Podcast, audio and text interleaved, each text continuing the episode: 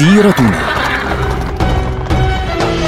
مع الدكتور عبد الله معروف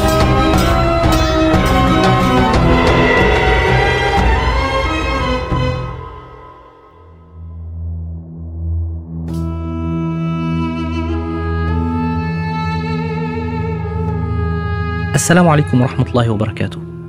سيرتنا سيرة هذه الأمة ونحن الآن مع أبي بكر رضي الله عنه وأرضاه. آه، أبو بكر رضي الله عنه عندما أطلق الجيوش في كل مكان لفتوح الشام وهناك طبعا جيشين موجودين آه، انضم طبعا آه، جيش خالد بن الوليد رضي الله عنه إلى جيش المثنى بن حارثة في العراق. هناك جيوش في جنوب العراق يعني موجودة الآن تجوب جنوب العراق وتفتح بلاد الحيرة. وهناك جيوش أربعة عددها أرسلها أبو بكر رضي الله عنه في إلى الشام لتقاتل البيزنطيين الروم الذين كانوا يحتلون هذه المنطقة منذ مئات السنوات. أبو بكر رضي الله عنه عندما أرسل هذه الجيوش أمرهم بأن يبدأوا بدعوة الناس إلى الإسلام. وطبعا القصة المعروفة أنه آه اللي هي لا تقطعوا شجرة لا تقتلوا وليدا لا تقتلوا امرأة لا تقتلوا ساجدا لا تهدموا صومعة لا, تق... لا تقتلوا حيوانا إلى آخره. بعض الناس ينسبها للنبي صلى الله عليه وسلم والعلم النبي صلى الله عليه وسلم طبعا هذه من الوصايا المعروفة دائما. النبي صلى الله عليه وسلم كان ينفذها أصلا حتى ولم يق ولو لم يقلها ولكن أبا بكر هو الذي يعني وردت عنه هذه الوصية التي كان يوصي بها الجيوش التي تنطلق إلى الفتوح. طبعا هنا تبدأ حركات الفتوح باتجاه الشام فعليا وقلنا إنه آه، أول جيش يصل هو هو الجيش الذي سلك الطريق الطويل. الطريق الأطول له طريق الساحل وهو جيش عمرو بن العاص رضي الله عنه الذي التحم بالروم في معركة سميت معركة داثن لأنها وقعت في منطقة داثن المقابلة. هي على فكرة اليوم داثن في داخل أراضي 48 لكنها مقابلة مباشرة للسياج الفاصل بين غزة وأراضي 48 في فلسطين مقابل دير البلح في قطاع غزة. فهناك جرت هذه المعركة ومن هناك بدأ عمرو بن العاص رضي الله عنه يتحرك في هذه البقاع ويصطدم بالروم يمينا ويسارا وأرسل كما تذكر بعض الروايات أرسل أول مفرزة عسكرية لتفرض أو لتبدأ بفرض الحصار على مدينة القدس. يعني تفتح الطريق وتتوغل حتى تصل إلى مدينة القدس. وهذه المفرزة بدأت تتغير مرة بعد مرة وهذا هو السبب الأساسي في اختلاف المؤرخين في أسماء القادة الذين حاصروا مدينة القدس لأنه حصار مدينة القدس يعني لم يكن حصارا مشددا في ذلك الوقت إلا بعد انتهاء فتوح كل منطقة الشام تقريبا باستثناء مناطق جيوب صغيرة آه، في عهد عمر رضي الله عنه تجمع المسلمون تماما حول القدس. لكن في ذلك الوقت في البداية كان هناك مفرزة صغيرة موجودة بحيث أنها تمنع الوصول إلى داخل المدينة للقوات البيزنطية وفي نفس الوقت تمنع أهل المدينة من آه، إمداد أي قوات بيزنطية بالسلاح أو بالطعام أو بغيره. آه، هذه نقطة تبين لنا كيف كان المسلمون ينظرون إلى القدس. ليش مأجلينها لآخر شيء؟ لكي لا تسقط فيها الدماء هذه نقطة مهمة جدا. أما آه، أبو بكر رضي الله عنه فعندما أرسل هذه الأربع جيوش اللي ذكرناها كان يأمرهم فعليا أن آه، أنه إذا إذا التقيتم في مكان محدد كلكم معا إذا اجتمعتم فالقائد العام يكون أبا عبيدة.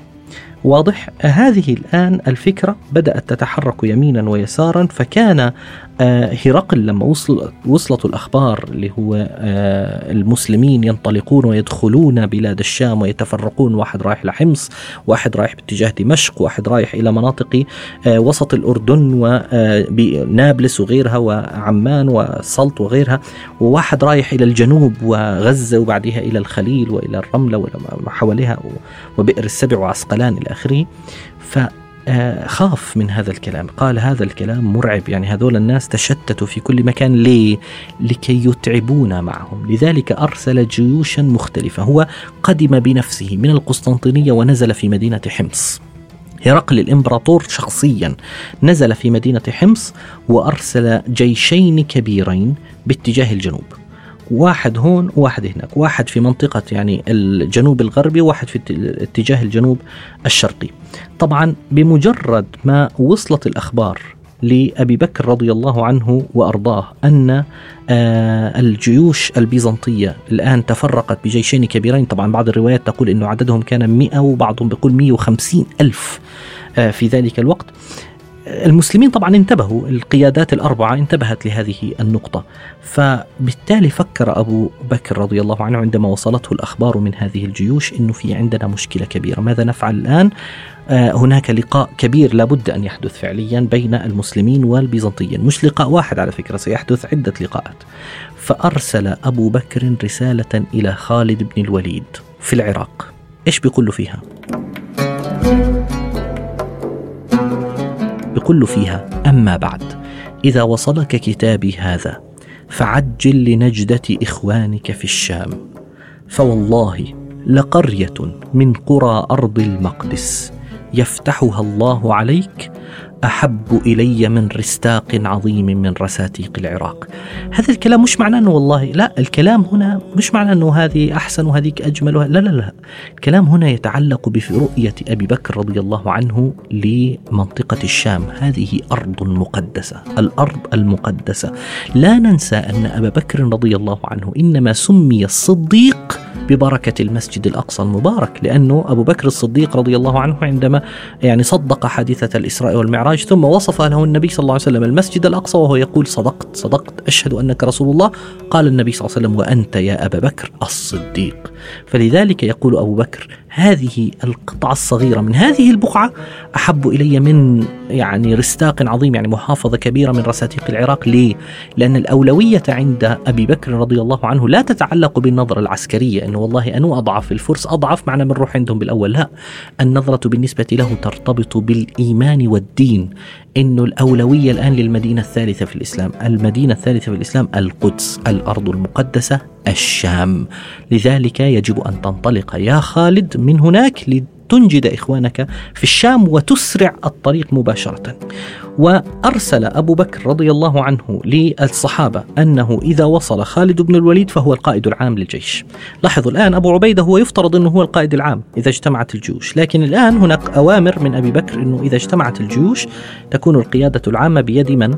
بيد خالد رضي الله عنه وأرضاه، وبالتالي تحرك خالد مباشرة بجيش يعني تقول بعض الروايات إنه كان في تسعة ألاف تحرك بهذا الجيش ليقطع الصحراء وقطع الصحراء في مسافة قصيرة جدا من الزمن وحتى أنه في منطقة هيك خمس أيام ما فيش فيها ماء نهائيا كانت فيها يعني تجلت فيها عبقرية خالد أنه كيف أقطع صحراء طويلة لكن يعني من طريق قصير لكن فيها حوالي خمس أيام دون ماء إطلاقا فماذا فعل؟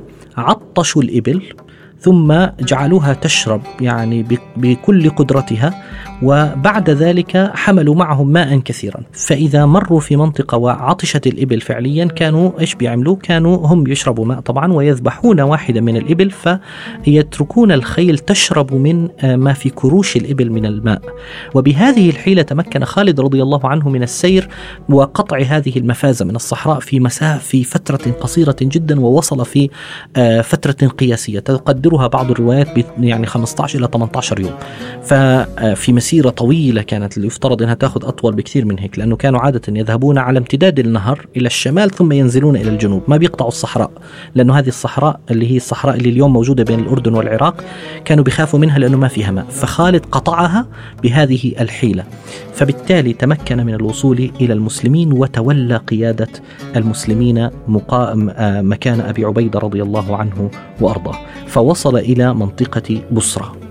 ثم بعد ذلك دخلوا مدينة بصرة وأرسلوا إلى عمرو بن العاص رضي الله عنه اللي موجود وين؟ في داخل فلسطين اليوم اللي هو في منطقة فلسطين آه، يقاتل البيزنطيين يمينا ويسارا ثم اجتمعت الجيوش فعليا البيزنطية في منطقة اسمها أجنادين. هذه المنطقة بين مدينة الرملة وقرية اسمها بيت جبرين. بيت جبرين وين بتيجي هذه؟ في ال... هي من القرى الغربية لمدينة القدس. طبعا هي اليوم محتلة بالكامل. الآن هذه البقعة بين الرملة وبيت جبرين اللي اسمها أجنادين اجتمع فيها المسلمون واجتمع فيها البيزنطيون وكان ذلك في آه، شهر جمادى الأولى من عام 13 للهجرة يعني شهر 5 من عام 13 للهجرة. وكانت معركة كبيرة جدا معركة أجنادين. كانت فيها النصر الكبير للمسلمين المسلمين على البيزنطيين الآن هذه الأخبار أخبار الانتصار في هذه المعركة وصلت إلى أبي بكر رضي الله عنه وهو في مرحلة النزع رضي الله عنه وأرضاه. لكن بمجرد ما انتهى خالد رضي الله عنه من هذه المعركة تحرك باتجاه فحل بيسان وقاتل البيزنطيين في منطقة في منطقة فحل اللي هي اليوم موجودة في جزء من الأردن هي في الأغوار الشمالية اليوم في الأردن. وأيضا ستكون وراءها معركة كبيرة جدا اسمها معركة اليرموك. ثلاث معارك كبرى التقى فيها البيزنطيون مع المسلمين في بلاد الشام. الأولى كانت معركة أجنادين ثم بعد ذلك معركة فحل بيسان. فحل بيسان لأنه هي اسمها طبقة فحل المنطقة اليوم لكن تسمى فحل بيسان لأنها قريبة من مدينة بيسان في شمال فلسطين. وأخيرا معركة اليرموك.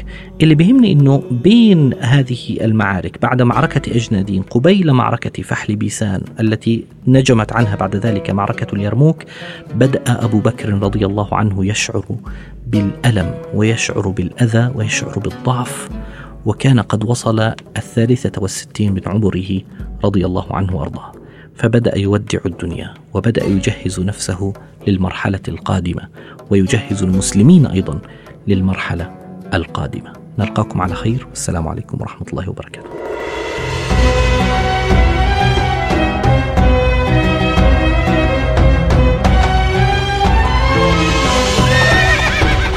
سيرتنا